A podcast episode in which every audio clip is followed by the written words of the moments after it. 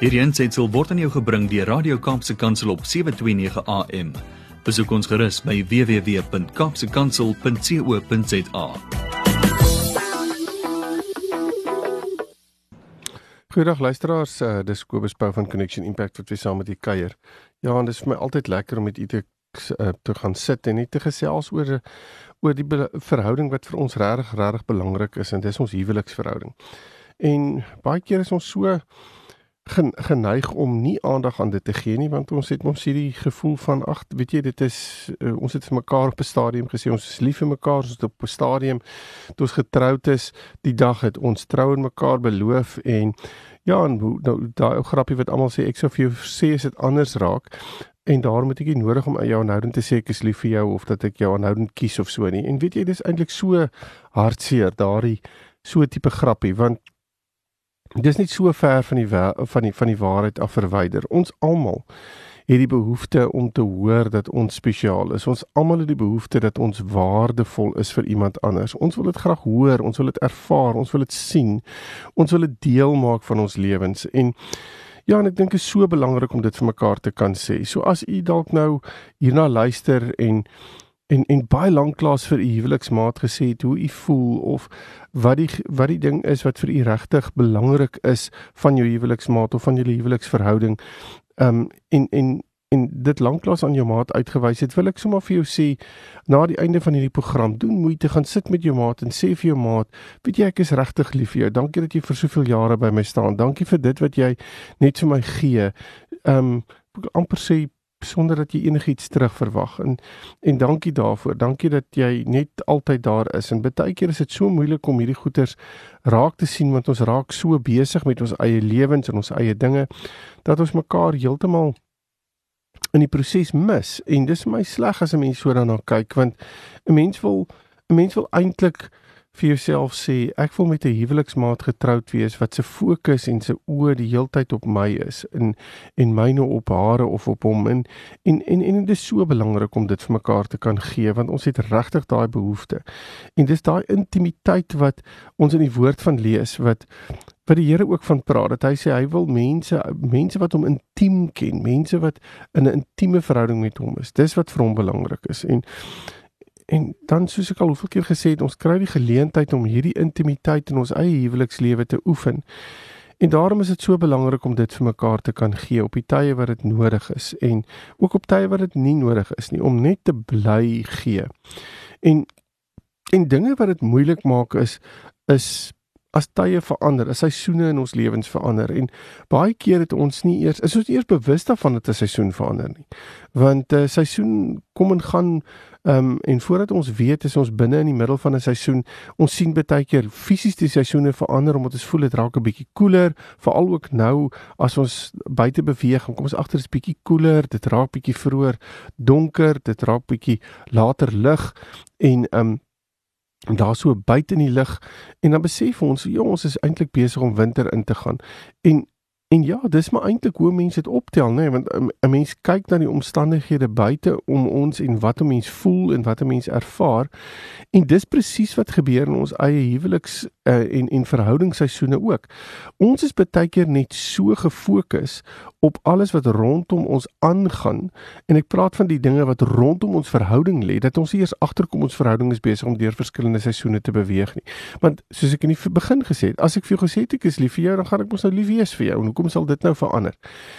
Wel, die statistiek wys dat as seisoene begin verander in 'n verhouding, dan dan begin mense se uitkyk op 'n verhouding verander. Dan begin ons betrokkenheid in 'n verhouding verander. Dan begin ons anders dink, anders optree en voordat dit voordat ons dit weet, is dit twee persone wat in een verhouding is wat verskillend optree, wat nie noodwendig in sink is mekaar nie as gevolg van die seisoene en dit lei dan baie vinnig tot 'n tot 'n diskonneksie. Nou in hierdie ehm um, week wat ek voorberei het ook vir hierdie gesprek met u het ek 'n bietjie op 'n uh, baie interessante en 'n baie lekker artikel van Megan Smalley afgekom wat die titel van die van die artikel is Traveling Through Difficult Seasons en ek wil sommer uit uitdaag om dit te gaan te gaan Google en 'n bietjie sommer net deur die deur dit te lees want dit het my net so laat besef ons is eintlik maar net besig um om op 'n reis te wees in ons lewens Ehm um, en ons moet besef dat ons daardie reis het 'n klomp verskillende ehm um, aspekte in seisoene, ehm um, moeilike paaie, ehm um, daar sou is obstacles in die pad, daar's dinge wat vir ons moeilik kan wees, daar's dinge waar dit baie maklik kan gaan, maar ons moet baie bewus wees en dit is miskien dit wat ek heel eerste wil sê. Um as ons die dag uh, verlief raak en ons en ons het hierdie persoon ontdek wat ons regtig dink ons ons lewe mee wil spandeer, dan is dit eintlik so moeilik om te dink dat ons deur seisoene sal beweeg want ons is so verlief op mekaar. Ons is so ingekoop in mekaar se wêrelde. Ons is so bewus wil ek amper sê van waar ons is en wat ons maat wil hê en ons is baie bewus van hierdie verliefdheidsseisoen waarbinne ons is. Maar dit is nogal so interessant as ek met paartjies sit en werk op 'n voorhuwelikse gesprekbasis dan en ek begin vir hulle sekere goed uitwys binne in die huwelik wat in huwelike kan lê nie noodwendig in hulle huwelik nie maar waarvan ek sê altyd vir 'n paartjie ek kan julle nie voorberei vir 'n huwelik nie maar ek kan julle wel bewus maak van sekere dinge in 'n huwelik. En as 'n mens hierdie bewustheids oefeninge doen en ehm um, 'n paartjie so klein bietjie meer wil ek amper sê die realiteit voor die oë neersit dan dan is hulle nogals vinnig om te sê, "Jok, nie geweet dit kan so wees nie. Is dit moontlik?" En dan sê ek, "Ja, dis nie te sê dit gaan met julle gebeur nie, maar wat 'n mens moet bewus wees van is is dat dit daar is en dat indien so iets met ons sou gebeur, dan moet ons mekaar kan sê ons huwelikse boom is nie besig om uit te val nie. Ons is nie besig om heeltemal in 'n in 'n area in te beweeg waar ons um op egskeiding afstuur nie. nie. Ons is net besig om in 'n ander seisoen in te beweeg. Ons is net besig om iets anders te ervaar.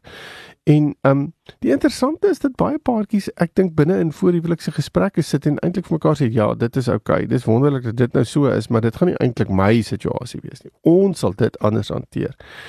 Um en en dit is dalk so dat jy dit anders wil hanteer.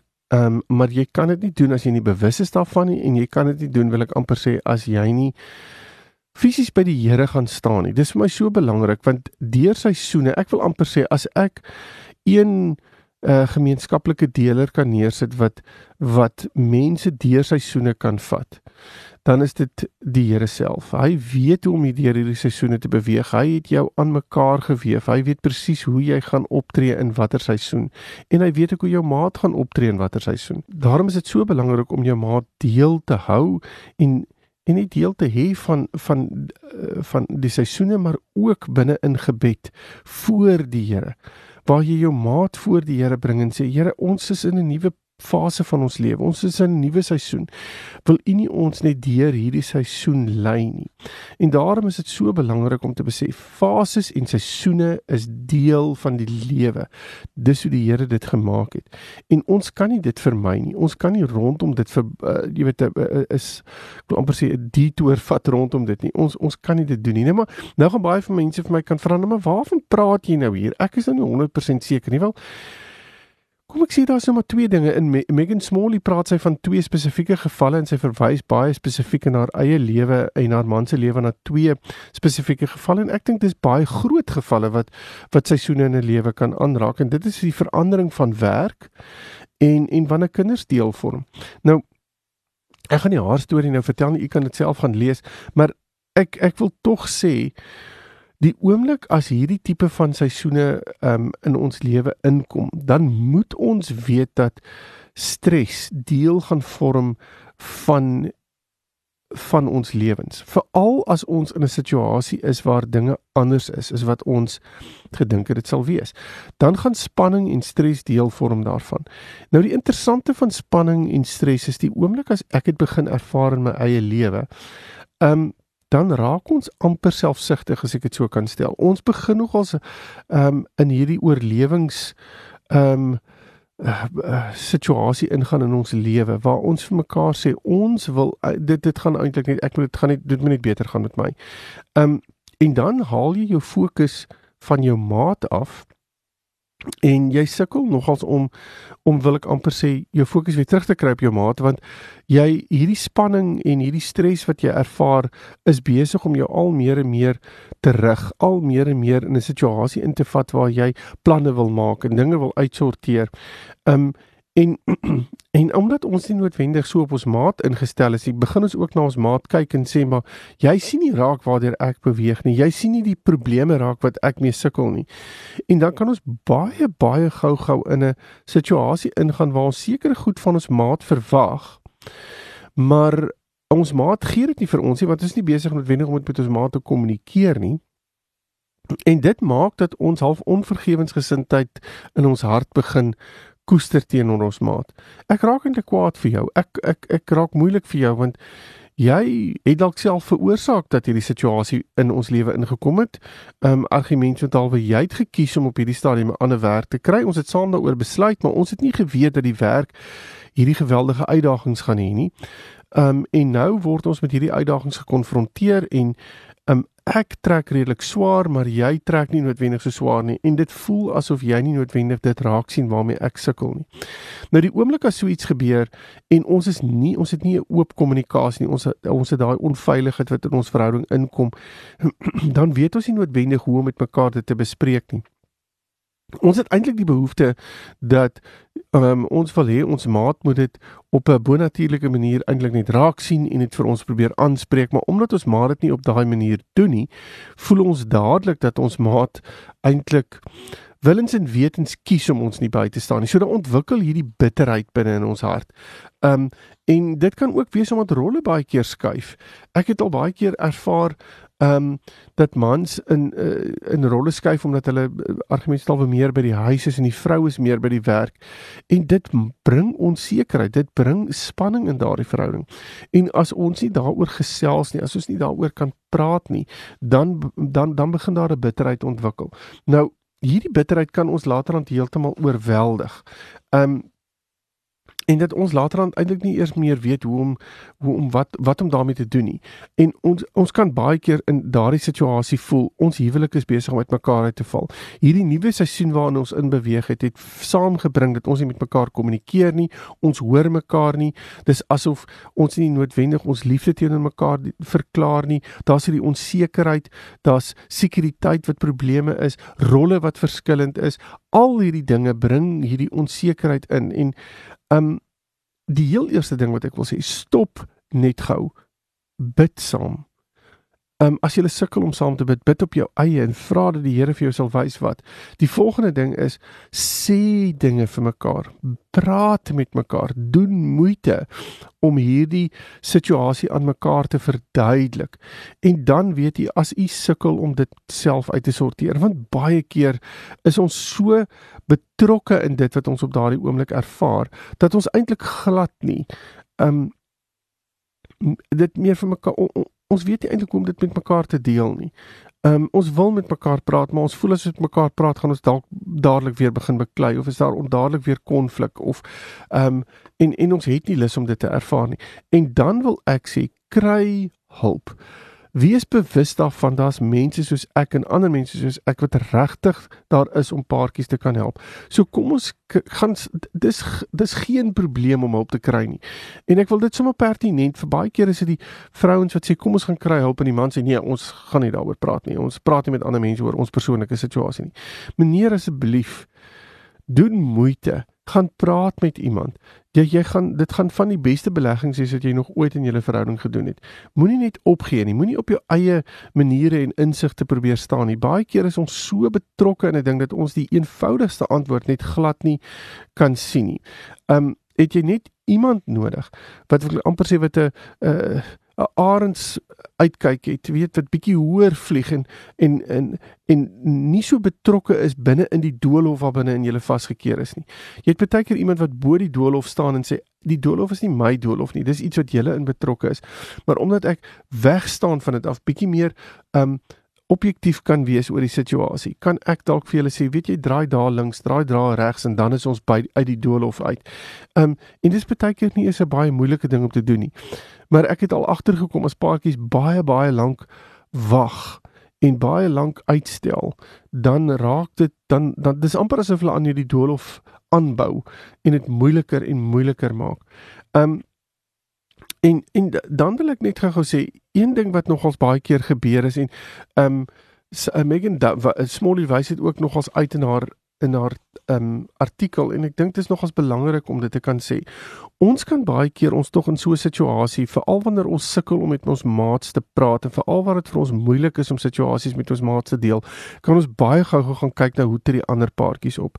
En dan gaan kyk ons na Facebook en ons gaan kyk na Instagram en ons gaan kyk na al die foto's en al die dinge en ons sien hoe die mense foto's post wat net hierdie ontsettende gelukkige prentjie wys en um ja en en alles is net so fantasties.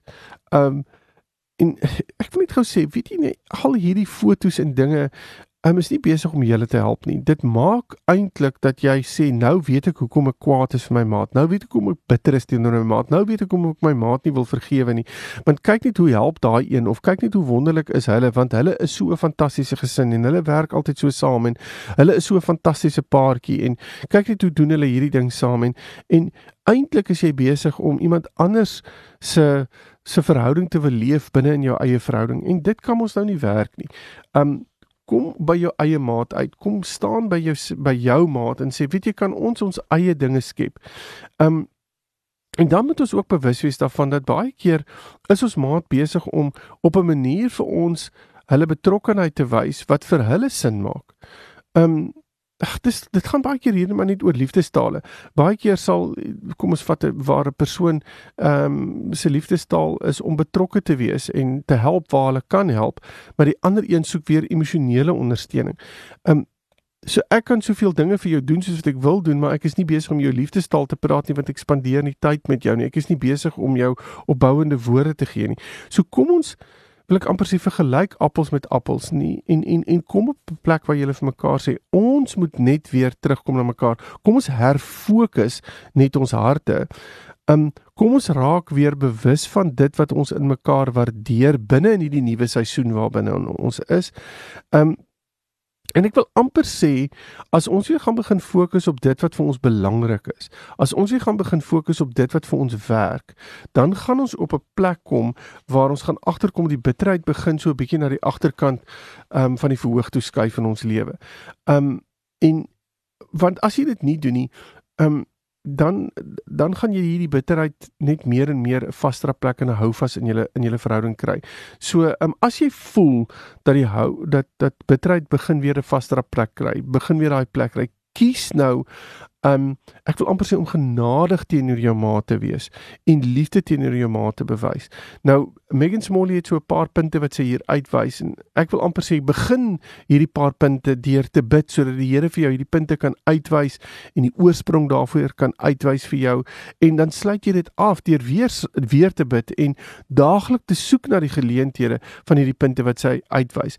Nou Ek wil ek gaan net sommer die punte so noem soos wat sy dit hierso noem in 'n artikel. Sy sê identifiseer die bron van bitternis of, eh, of van van bitterheid. Identifiseer dit. Maak seker hoekom is jy so bitter teenoor jou maat op hierdie stadium?